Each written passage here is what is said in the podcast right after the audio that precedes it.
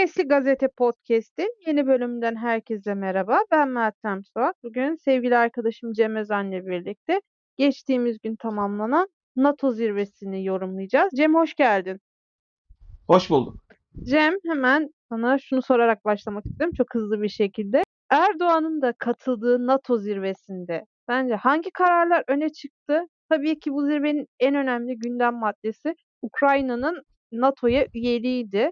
Senin gözüne çarpan ve öne çıkan konular ne oldu? NATO zirvesi Ukrayna'nın işgalinin ardından NATO'nun kendisine biçtiği rol bakımından e, önem taşıyor. NATO'yu ayağa kaldırdı adeta Rusya'nın Ukrayna'yı işgali. Geçtiğimiz yılki Madrid zirvesinde zaten çok önemli kararlar alınmıştı. Rusya stratejik bir düşman olarak tanımlanmıştı. Ardından Finlandiya ve İsveç'in üyeliğine kapı açılmıştı. Onu da konuşacağız. Tabii en önemlisi Ukrayna Devlet Başkanı Zelenski de davet edildi zirveye. Zirvede Ukrayna'nın NATO'ya üyeliğinin hangi yönde ilerleyeceği konusu ajandanın birinci sırasındaydı. Fakat zirveden önce Ukrayna'nın NATO'ya üyeliği konusunda net ifadeler kullanılmayacağı anlaşıldı ve bu Zelenski'ye de aktarıldı. Zelenski de hatta bu konuda biraz sinirlendi ve tweet attı. Bu karar dedi unprecedented and absurd yani daha önce görülmemiş bir absürtlükte karar olarak biraz sert tanımladı. Sonra ifadelerini yumuşattı. 90 maddelik bir bildiri yayınlandı NATO zirvesinden sonra.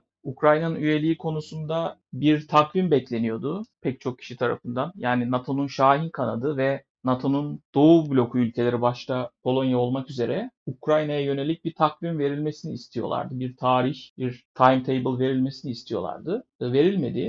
Şöyle bir ifade kullanıldı. When allies agree and conditions are met. Yani müttefikler uzlaştığında ve şartlar yerine getirildiğinde Ukrayna üye olacak diye bir ifade var. Tüm bildirinin en önemli ifadesi bu, en dikkat çeken. Fakat şu var, şartlar ne? O yok. Yani hangi şartları yerine getirirse Ukrayna NATO üyesi olacak, bu net biçimde belirlenmedi. Aynı zamanda bir takvim de verilmedi. 2026'ya kadar şu olursa üye olur, 2027'de gibi bir ifade de yok. Bu bakımdan işin Ukrayna tarafı açısından birazcık başarısız olduğunu belirtmek lazım. Amerika Başkanı Joe Biden ve Almanya başta olmak üzere pek çok ülke savaş devam ederken Ukrayna'nın NATO üyeliğini gündemde tutmak istemiyorlar. Biden aslında çok savaşla anılmak istemiyor. Yani 2001'den beri Cumhuriyetçiler bir yandan savaş açarken Obama ve ardından Biden bu savaşları kendisinden uzak tutmak istiyor. Forever Wars diye tanımlıyor onları. Yani bitmeyen savaşlar. Amerika bitmeyen savaşlara girmemeli diye bir söylevi var. Biden'ın. Söylevi var derken bu siyasi pozisyon olarak söylüyoruz tabii bunu ama aynı zamanda tabii ki seçmenler arasında da bu önemli. Yani siz bir savaşa girdiğiniz zaman, para aktardığınız zaman, Amerikan insanın e, hayatı kaybettiği zaman, canı gittiği zaman bu seçmenler arasında sizin oyunuzu, popülaritenizi düşürüyor. İstemiyorlar açıkçası. Ukrayna'nın NATO üyeliğiyle işlerin daha da karmaşıklaşmasını, Rusya ile bir hele hele sıcak çatışmayı istemiyorlar. Bundan dolayı zirvede Ukrayna'ya yönelik bir takvim, katılımı konusunda bir takvim verilmedi. Ha bunun yanında güçlü şekilde silah açısından Ukrayna'nın destekleneceği açıklandı. E, bu konuda güçlü ifadeler var bildiride. Bunun yanında NATO-Ukrayna Ortak Konseyi diye bir yeni yapı kuruldu. Bu yapı da önemli. Yani Ukrayna baktığımız zaman aslında NATO'nun bir partneri olarak bir organla, bir yapıyla, bir teşkilatla, bir araçla bağlanmış oldu. Bu da yine önemliydi. Onun dışında zirvenin ardından Fransa silah yardımı yapacağını, silah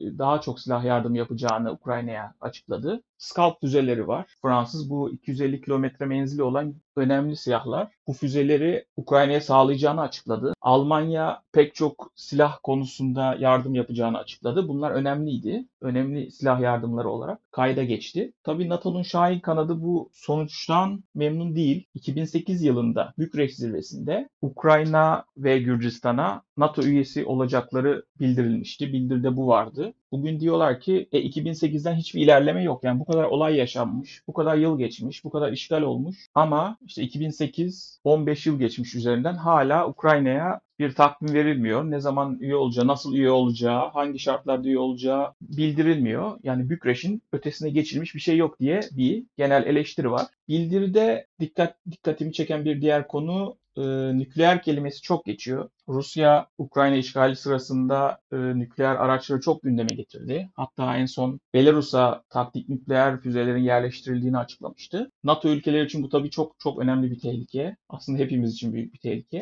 Bu yüzden pek çok maddede Rusya'nın e, nükleer tehdidine karşı güçlü durulacağı ve nasıl önlemler alınacağı konusunda bir takım ifadeler var. Çok ifade var. Bunun yanında yine Çin gündemde. Çin tehdidinin altı çiziliyor. Çin'in NATO ülkelerine rekabet ettiği, değerleriyle rekabet ettiği ve bunun için pek çok yasa dışı yolu da kullandığı bildiride yer alıyor. Yine Çin tehdidi de altı çizilmesi gereken bir konu zirvede gündeme gelen. Zirvenin bir önemli başlığı tabii bir önemli kazanımı belki NATO açısından denebilir. İsveç'in üyeliğiydi. O konuyu da biraz sonra konuşacağız. Şimdi NATO zirvesinin bir diğer öne çıkan başlığı Türkiye'nin İsveç'in NATO'ya üyeliğine yönelik vetoyu kaldırması.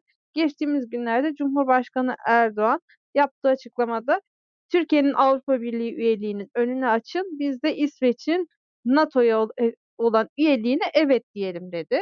Bu pek çok gözlemci tarafından Türkiye'nin dış politikasında bir U dönüşü olarak görülüyor. Sence artık Türkiye rota mı değiştiriyor dış politikasında? Daha batı yanlısı mı oluyor?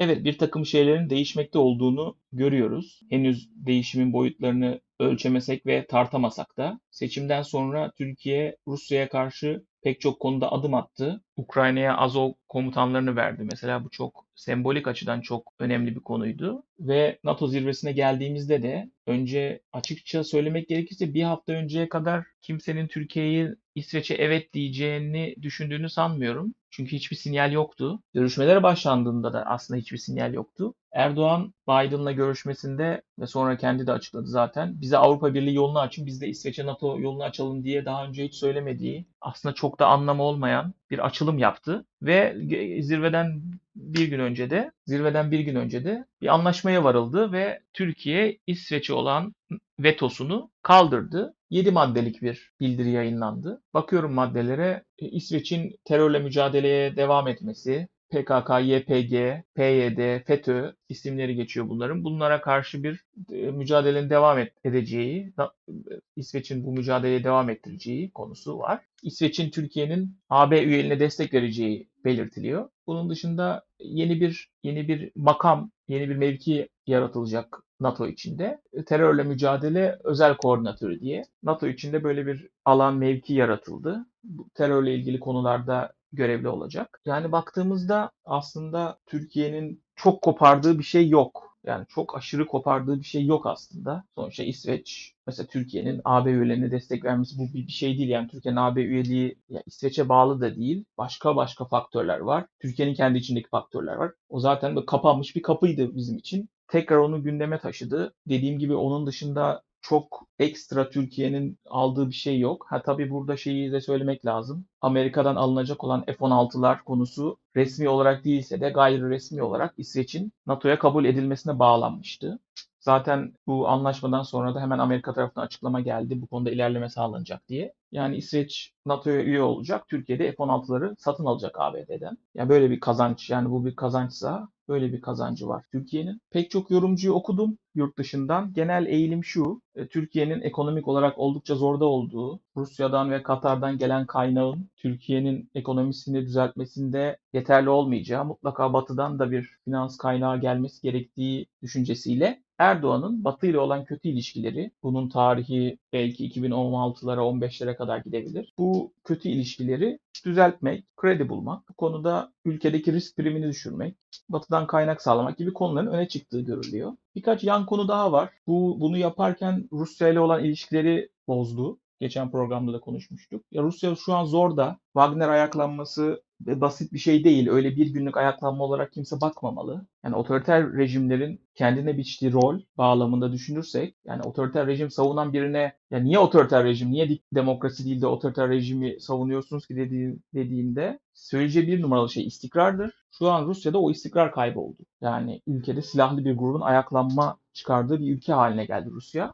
Erdoğan Putin'in bununla çok uzun bir süre uğraşacağını, onunla meşgul olacağını, çok sıkışacağını düşünmüş olacak ki onlara karşı bazı hamleler yaparak, bazı çelmeler takarak Batı'ya karşı bakın ben ona da çelme takıyorum. Siz de gelin ilişkileri biraz düzeltelim mesajı vermiş oldu. Bir diğer konuda tabii seçimlerin bitmesi. Yani seçimler bittiği için Erdoğan o böyle batı karşıtı, milliyetçi, yoz milliyetçi bir söylemi taşımak durumunda değil. Seçimleri atlattı. Türkiye'de bu söylev tutuyor çünkü Türkiye Türkiye halkında ve entelektüelinde genel zaten bir batıya karşı bir aşağılık kompleksi var. Onlar ileri biz niye onlar kadar ileri değiliz düşüncesi çok hakim. Bizde zaten batı karşıtlığı hakim ama aşağılık kompleksi de çok hakim. O yüzden Türkiye'de batı karşıtlığı böyle çıtır çerez gibi giden, kimsenin sorgulamadığı, herkesin kolayca yapabildiği, batıya sallamak kolay bir politika Türkiye'de söylev açısından. Ama buna artık ihtiyacı yok. Seçimler bitti çünkü. Ee, zaten pek çok yandaş yorumcu da birazcık offside'a düştü bir seçim üyeliğinden sonra.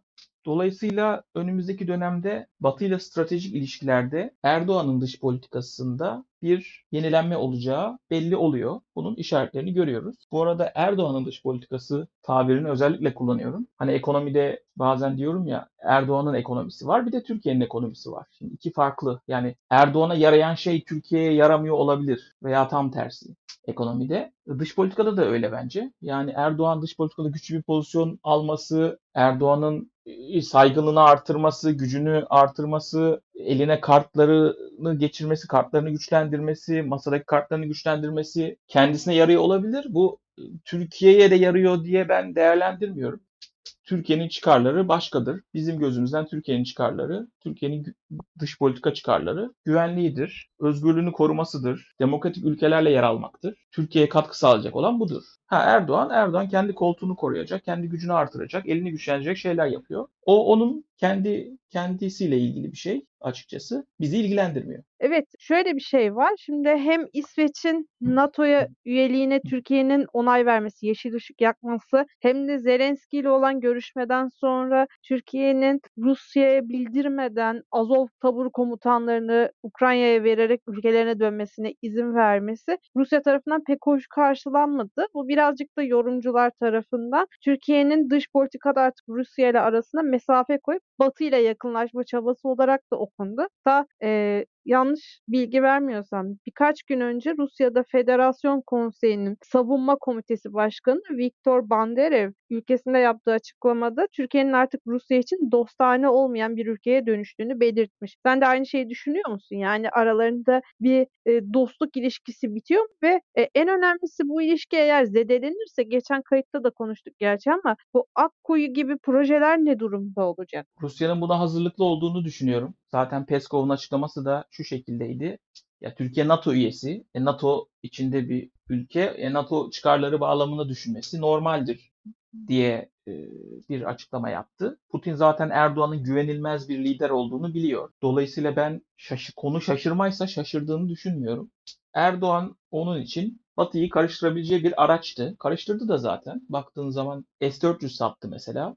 Türkiye F-35 programından çıkmış oldu. Bu baktığımız zaman NATO'nun kapasitesine verilmiş bir zarar. Bir de üstünde para kazandı yani. 2,5 milyar dolarlık bir satış yapmıştı. Bir de üstünde para kazandı. Yani böyle böyle Türkiye'yi kullanarak bence Putin zaten Türkiye'yi kullanabildiğim kadar kullanayım. Kullanmadığım noktada zaten tekrar batıya dönecektir. Tekrar bana karşı pozisyon olacaktır diye düşünüyordu. Ha böyle zor bir anda hani Wagner ayaklanmasının hemen ardından böyle bir anda böyle bir hamle yapması belki Putin kanadını biraz sinirlendirmiştir. Tabii sinirlendirme dış politikada ne kadar ağırlıklı yer alır o tartışma konusu. Fakat Rusya'nın elindeki silahlar bağlamında düşünürsek, Rusya'nın elindeki kartlar bağlamında düşünürsek ben bir takım adımlar atacağını, bir takım uyarı sinyalleri göndereceğini düşünüyorum. Fakat ilk gelen tepkiler çok sert, çok Türkiye'ye karşı e, düşmanca, Türkiye'ye karşı Türkiye ile olan kurulan özel ilişki bozacak şekilde değildi. Belli ki bekliyorlar. Putin beklemeyi sever, bekleyip görmeyi sever. Türkiye'nin alacağı son pozisyonu bir anlamak istiyor. Ona göre hamle yapabilir. Yani her şeyi bıraktım. Doğal gaz var. Yani Türkiye doğal Rusya'dan yoğun şekilde doğal gaz ithal eden bir ülke. Yani o konuda gelecek bir sinyal bile Türkiye'yi ayaklandırabilir. O bakımdan biz de bekleyip göreceğiz. Ben Rusya'nın bir hamle yapacağını, durumu düzeltecek, kendi lehine çevirecek bir hamle yapacağını düşünüyorum. Fakat o kadar başı yoğun ki şu an Putin'in. Yani savaşta bir ülke, Ukrayna'da savaşta bir ülke. Savaşın gidişatı da şu an Rus birlikleri savunma pozisyonunda. Ukrayna karşı saldırısı var her ne kadar yavaş da olsa. Bir yandan ora var, bir yandan Wagner isyanı var. Gelecek yılda bir seçim var Rusya'da. Dolayısıyla Putin'in başı dertte. Dönüp bir de Erdoğan'la uğraşmak istemeyebilir, bunu hesaplamayabilir, gereksiz bulabilir. Hem de Erdoğan'ın nereye kadar gideceğini, hangi noktaya kadar gideceğini de görmek isteyecektir. Bir takım adımlar ve sinyaller atacağını fakat ben bekliyorum. Adımlar atmasa da bir takım sinyaller vereceğini elindeki kartlar bağlamında Akkuyu Nükleer Santrali senin dediğin gibi kritik, turizm kritik. Yaz sezonunun ortasındayız. Pek çok konu var. Rusya'ya, Türkiye Rusya'ya maalesef pek çok konuda bağımlı hale geldi. Bunun ceremesini çekiyoruz. Bakalım ne sinyaller gelecek hep birlikte izleyelim. Evet, eee, Türkiye'nin aslında bu hafta gündemi tamamen NATO zirvesi ve dış politikaydı. Özellikle Türkiye'nin İsveç'in NATO'ya katılmasına onay vermesi epey tartışıldı. Ama son birkaç gündür gündemi meşgul eden farklı bir konu var. Aslında eee, birçok konunun önüne geçmesi gereken bir şey. Milli Eğitim Bakanı Yusuf Tekin katıldığı bir yayında eee, ne yazık ki diyorum. Çünkü artık 2023 yılında hani eee, bütün dünyanın yapay zekayla onunla bununla uğraştığı bir dönemde Türkiye Cumhuriyeti Milli Eğitim Bakanı diyor ki eee, bazı aileler kız çocuklarını okula göndermek istemiyor. Ben çocuğumu erkeklerle aynı okula göndermek istemiyorum diyen veliler var. Şimdi benim Milli Bakanı olarak birincil hedefim ne? Kız çocuklarının okullaşmasını sağlamak. O zaman veli ikna etmek için biz de gerekirse kız okulları açabilmeliyiz diyor ve devamında eee, sunucunun kendisine şeriatı öven kitap mı yazdığınız sorusuna keşke şeriatı övecek kadar bilgim olsaydı da yazsaydım cevabını veriyor. Ya ben eee, açıkçası bir senedir eee, her katıldığım yayında hem Daktilo 1984 yayınlarında hem de Daktilo 1984 için yazdığım yazılarda sürekli Lanzarote çocuk istismarını önlemek için eee, bir takım eee, kendimce e, çocukları korumak için çalışmalar yapıyorum ve hani orada da söylüyorum, burada da söylemeye devam edeyim. 2023 yılında bir Milli Eğitim Bakanı'nın sırf aileleri eee, bahane ederek o çocuklar için gerekirse kız okulları kurmalıyız demesi bence çok talihsiz. Umarım ki hani Sayın Bakan bunları sehven söylemiştir, içinden gelerek söylememiştir ya da bir Freud sürçmesi falan olmuştur. Eee, çünkü yani dediğim gibi aslında bir çocuğu okula göndermemek çok ciddi bir suç. Eee, Sayın Bakan eee, vakti olursa ya da danışmanlarının vakti olursa bir anayasayı açıp baksın. Öncelikle bir tevhidi tedrisat kanununa baksın. 1924'te yürürlüğe giren. Ardından da çocuklarını okula göndermek istemeyen velilerin aslında nasıl bir suç işlediğine de baksın. Onların gözüne hoş gelebilmek için kız okulları açmaktansa onlar hakkında şikayetçi olabilir aslında öğretmenler. Ama bakan bunu hani e, bala, şerbete bulayıp bize göstermeye çalışıyor. Bakın ben kız çocukların okullaşmasını sağlayacağım. Milli Eğitim Bakanı olarak benim görevim bu diyor. Sen ne düşünüyorsun bakanın bu açıklaması hakkında Cem? Bu konuya girdiğimiz çok iyi oldu. Türkiye'nin siyasi gündemi sadece tırnak içinde elit, dış politika ve ekonomi gündemi olmamalı. Bu ikisini de besleyen, destekleyen pek çok sosyal konu var. Yani neleri tartışmamız gerekirken birden gündeme gelen şey bu oldu. Senin de dediğin gibi 2023 yılında.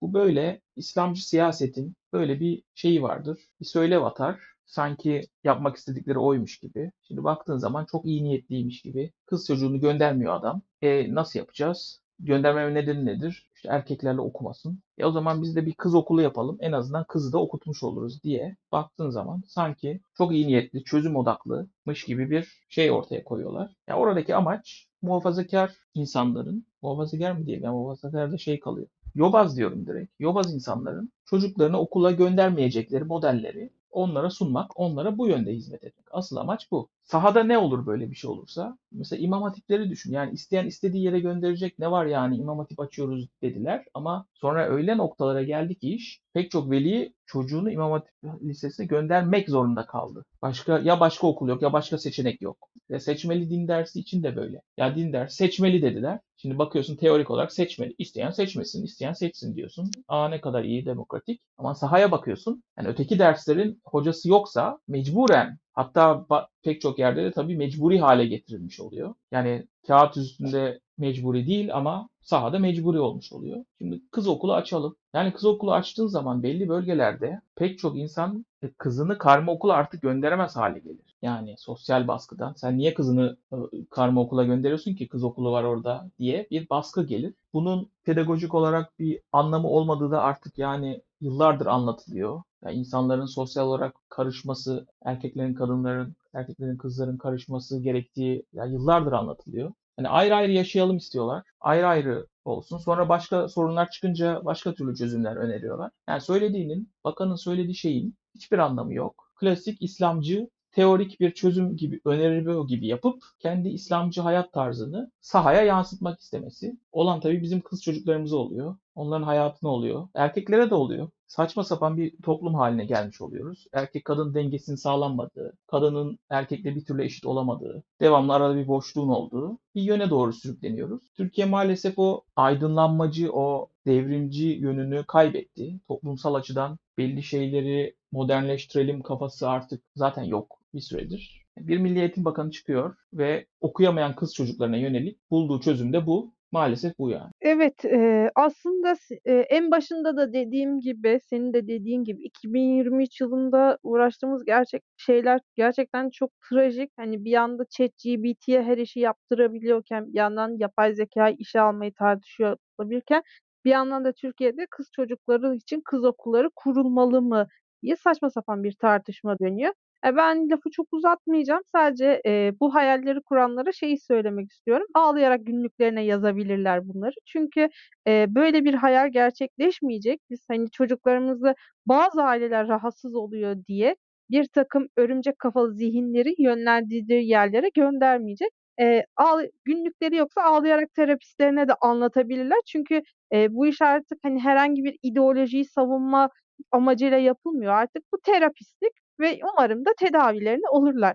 Cem, eee, son olarak söylemek istediğin bir şey var mı manşete atmadan önce? Eklemek istediğin herhangi bir yorum? Yok. Peki, çok teşekkürler. Bugün Sesli Gazetemizin manşetinde NATO zirvesini konuştuk. Aynı zamanda da Milli Eğitim Bakanı, eee, Yusuf Tekin'in talihsiz, bana göre sehven yapılmış olmasını umduğum açıklamasını değerlendirdik. Sesli Gazete'nin geçmiş bölümlerini yeniden dinlemek ve yeni bölümlerimizden haberdar olmak için bizleri Spotify, iTunes ve Google Podcast kanallarımızdan takip edebilir. Podcast'imizle ilgili her türlü görüş ve öneriniz için Twitter slash Ahmet Cem Özen ve Twitter slash Meltem Suat hesaplarından bize ulaşabilir. Daktilo 1984'ün diğer içerik ve yayınlarına özellikle bu hafta bugün de NATO zirvesini konuştuk. Sevgili editörümüz Bahadır Çelebi'nin hazırladığı Hariçten Gazel bültenine mutlaka göz atın. Orada da çok detaylı bir şekilde zirveyi değerlendiriyor Bahadır. Web sitemizi ziyaret edebilir.